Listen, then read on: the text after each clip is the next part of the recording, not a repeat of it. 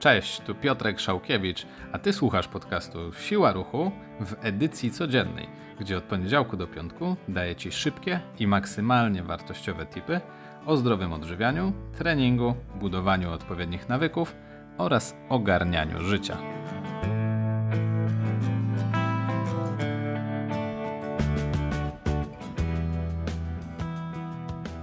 Cześć, witam Cię w 23 odcinku podcastu Siła Ruchu. A w dzisiejszym odcinku powiem Ci o micie 100% albo nic. Powiem Ci w jaki sposób odróżnić to, czy trenujesz na 100%, czy może już na 120, czy na 70%. Oczywiście nie będę skupiał się tutaj tak mocno na cyferkach, bardziej powiem jak to rozróżniać. I na koniec dam Ci kilka przykładów tego, w jaki sposób możesz mierzyć swoje samopoczucie w stosunku do tego, jak ciężkie treningi robisz i jak nie przegiąć, ani też nie czuć, że troszkę za bardzo się obijałeś na tych treningach. Więc zapraszam Cię do wysłuchania. Ok, przede wszystkim kiedyś utarło się takie powiedzenie, szczególnie u kulturystów to zauważyłem, że 100% albo nic, że albo idziesz na trening i dajesz siebie 100%, najlepiej swoją drogą właśnie 120, no albo bez sensu w ogóle, że przyszedłeś, marnujesz czas innych, no bo zajmujesz miejsce na siłowni w ogóle bez sensu nie przychodź. Sam swoją drogą kiedyś dosyć mocno wsiąknąłem z tego typu myślenie. Oczywiście skończyło się to kilkoma kontuzjami i kilkoma też, z którymi do dzisiaj się męczę. No i dlaczego tak się stało. Dawałem siebie wszystko, byłem takim twardzielem i przecież powinienem iść cały czas do przodu i nie przejmować się tym, że coś boli. No właśnie tak nie do końca jest, bo nasz organizm w końcu dał sobie znać, chociażby w tym wypadku w formie kontuzji. No to nigdy, wiadomo, nie będzie dobre, więc warto na pewno pójść po rozum do głowy troszkę wcześniej, niż jak już zacznie się robić problem. Oczywiście trzeba uważać, bo między takim 100% albo nic i rzeczywiście e, wypruwaniem sobie flaków na treningach jest bardzo cienka granica, a tym, że okej, okay, mówisz sobie, no dałem z siebie dzisiaj 100%, ale tak naprawdę jeszcze troszkę tam zapasu miałeś.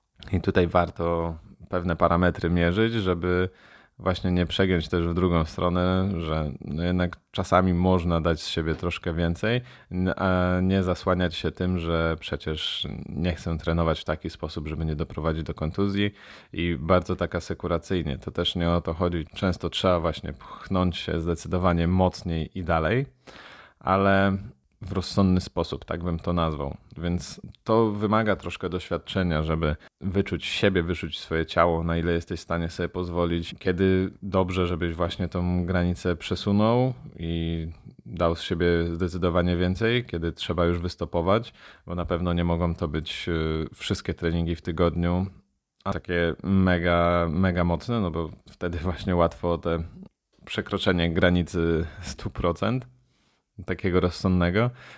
Ja tutaj posługuję się takimi trzema, nazwę to parametrami. Troszkę może nie do końca to określenie będzie trafione, ale myślę, że na pewno wyczujesz o co mi chodzi. E, pierwszym takim parametrem, dzięki któremu możesz mierzyć bądź określać właściwie dla swojej wiedzy i późniejszego oczywiście wykorzystania, takim wskaźnikiem efektywności treningu będzie skala RPE, czyli jak ciężkim dla ciebie ten trening był. I oczywiście dobrze, jeśli byś prowadził dziennik treningowy, zapisywał każde powtórzenie, może nie każde powtórzenie, ale każdą serię, każde ćwiczenie i y, już przy każdym ćwiczeniu określał sobie skalę RPE, czyli skalę trudności wykonanej serii. Dzięki temu będziesz efektywniej mógł oczywiście trenować, ale no umówmy się, jeśli masz czas, żeby coś takiego robić, to prawdopodobnie nie masz w domu jeszcze żony i dziecka, które tylko odliczają, aż wrócisz. Bo jednak jest to zdecydowanie czasochłonne. Ja kiedy mm, trenowałem w ten sposób i bardziej bawiłem się w trójbój, no to moje treningi czasem zajmowały nawet 2,5 godziny. W obecnych okolicznościach zdecydowanie na tego typu treningi nie mam czasu, Więc raczej skupiłbym się tutaj na ogólnym odczuciu wobec jakby całego treningu.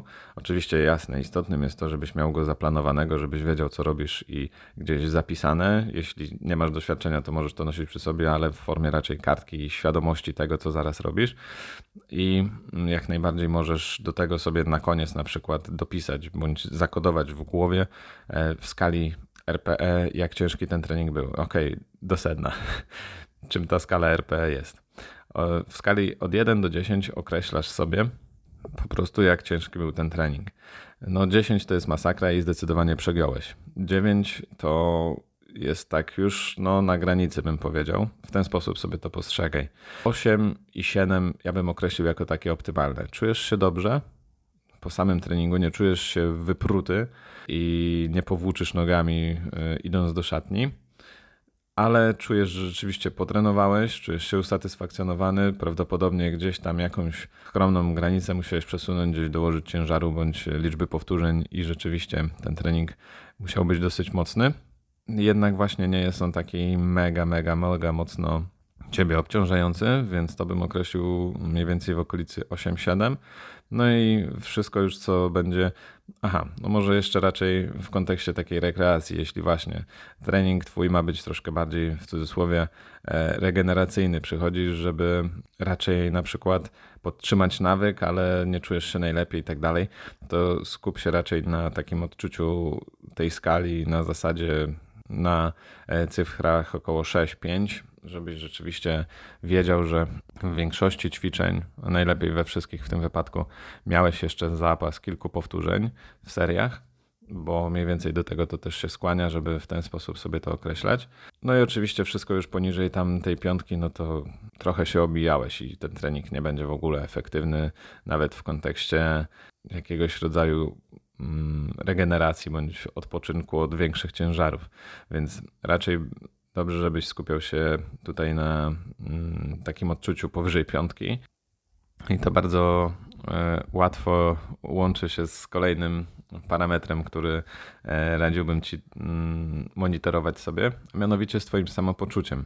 Czyli jeśli rzeczywiście, no, możesz w żaden sposób nie określać tego w skali, możesz tego nie mierzyć w ten sposób. Możesz tu skupić się na tym, jakie są Twoje odczucia po samym treningu, czyli właśnie, jeśli czujesz się taki mega zdojony, powłóczysz nogami wracając do szatni, a później przez kilka godzin nie jesteś w stanie za bardzo się skupić i czujesz, że masz podwyższone tętno, no to znaczy, że zdecydowanie przegiąłeś. I ile nawet tego typu treningi czasem będą istotne w powiedzmy całym arsenale, no to na pewno nie cały czas, na pewno nie kilka razy w tygodniu, nawet bym powiedział, że nie kilka razy w miesiącu.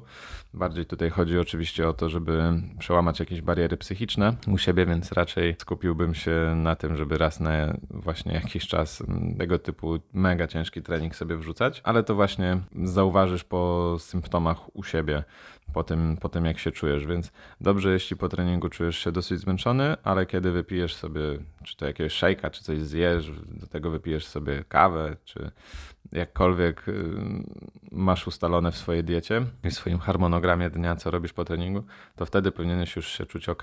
Powinieneś czuć się naładowany endorfinami, powinieneś czuć się właściwie nawet lepiej. Ten trening będzie oczywiście nie tylko prowadził cię do, do jakiegoś celu, no ale też będzie Ciebie satysfakcjonował. I to bardzo fajnie łączy się właśnie z tematem z poprzedniego odcinka. Mianowicie, że na tego typu treningach powinieneś się skupiać, które dają Ci też zaraz po nim satysfakcję dobrze wykonanej pracy, tego, że fajnie zrobiłeś coś dla, dla siebie, dążysz do jakiegoś celu, a dodatkowo jeszcze no, czujesz się super, bo endorfiny Ci uderzyły i jesteś naładowany tak zwaną pozytywną energię. I ostatni aspekt, na który warto, żebyś sobie zwrócił uwagę, i to już będzie się tyczyło bardziej tego, jak często właśnie robisz takie za bardzo przegięte treningi. Czyli w momencie, kiedy potrzebujesz zdecydowanie więcej czasu niż zwykle na to, żeby się wyspać bądź czuć się dobrze, bądź będziesz czuł, że masz notorycznie podwyższoną temperaturę ciała, czyli w okolicach tych 37, 37,1, to raz, że wtedy Oczywiście może to wskazywać na to, że jakieś przeziębienie się zbliża, ale to przeziębienie właśnie też może się zbliżać ze względu na przetrenowanie. Nie chcę tutaj wchodzić w żaden sposób w aspekty fizjologiczne przetrenowania, kiedy przetrenowanie się pojawia, czy się nie pojawia. Niektórzy w ogóle mówią, że to mit i właśnie powinien zapierdzielać non-stop 100% albo nic, ale w takim życiu rekreacyjnym, w sensie w trenowaniu rekreacyjnym, a ty życie masz usłane również też stresami, y, dzieckiem, żoną, narzeczoną, partnerką, wszystkim naokoło też, a nie samym trenowaniem, to zdecydowanie to może pojawiać się częściej, czyli te przeziębienie, wynikłe właśnie z e, takiego dawania z e, siebie zbyt wiele. Ja na przykład po sobie widzę, że nawet wystarczy mi jeden tydzień robienia takich troszkę bardziej przegiętych treningów, przekraczania tej granicy i już zaczynają się pierwsze symptomy zbliżającego się przeziębienia bądź czucia się wyprutym. No oczywiście dodatkowo, jeśli są jakiegoś rodzaju stresy w pracy, w domu, to będzie miało dodatkowy wpływ, ale warto, żebyś poprzez oczywiście pewnego rodzaju doświadczenie brał też te aspekty pod uwagę później w samych treningach. Czyli jeśli masz bardziej stresujący tydzień, lepiej, żebyś sobie troszkę odpuścił. Nie mówię, że masz w ogóle nie chodzić, ale żebyś na samych treningach nie wymagał od siebie nie wiadomo czego, bo będziesz miał zdecydowanie mniej energii i te treningi będą troszkę mniej efektywne ale to nie znaczy, że nie będziesz dążył do swojego celu, nie będziesz wyrabiał sobie pewnego rodzaju nawyku, więc chodzić jak najbardziej trzeba. Możesz zejść na przykład delikatnie z obciążeniami w niektórych ćwiczeniach, bądź na spokojniejszym tętnie zrobić sobie cardio, więc raczej w tą stronę pójdź, niż w stronę kompletnej rezygnacji. Tymczasem dziękuję Ci za wysłuchanie tego odcinka. Jeśli dał Ci on dużo wartości, to proszę udostępnij go swoim znajomym w social mediach. Ja tradycyjnie zapraszam Cię na swoją stronę internetową siłaruchu.pl, gdzie dowiesz się troszkę więcej o mnie. Będziesz mógł też zobaczyć możliwe opcje współpracy. A ja jeszcze raz dziękuję Ci za wysłuchanie tego odcinka i do usłyszenia.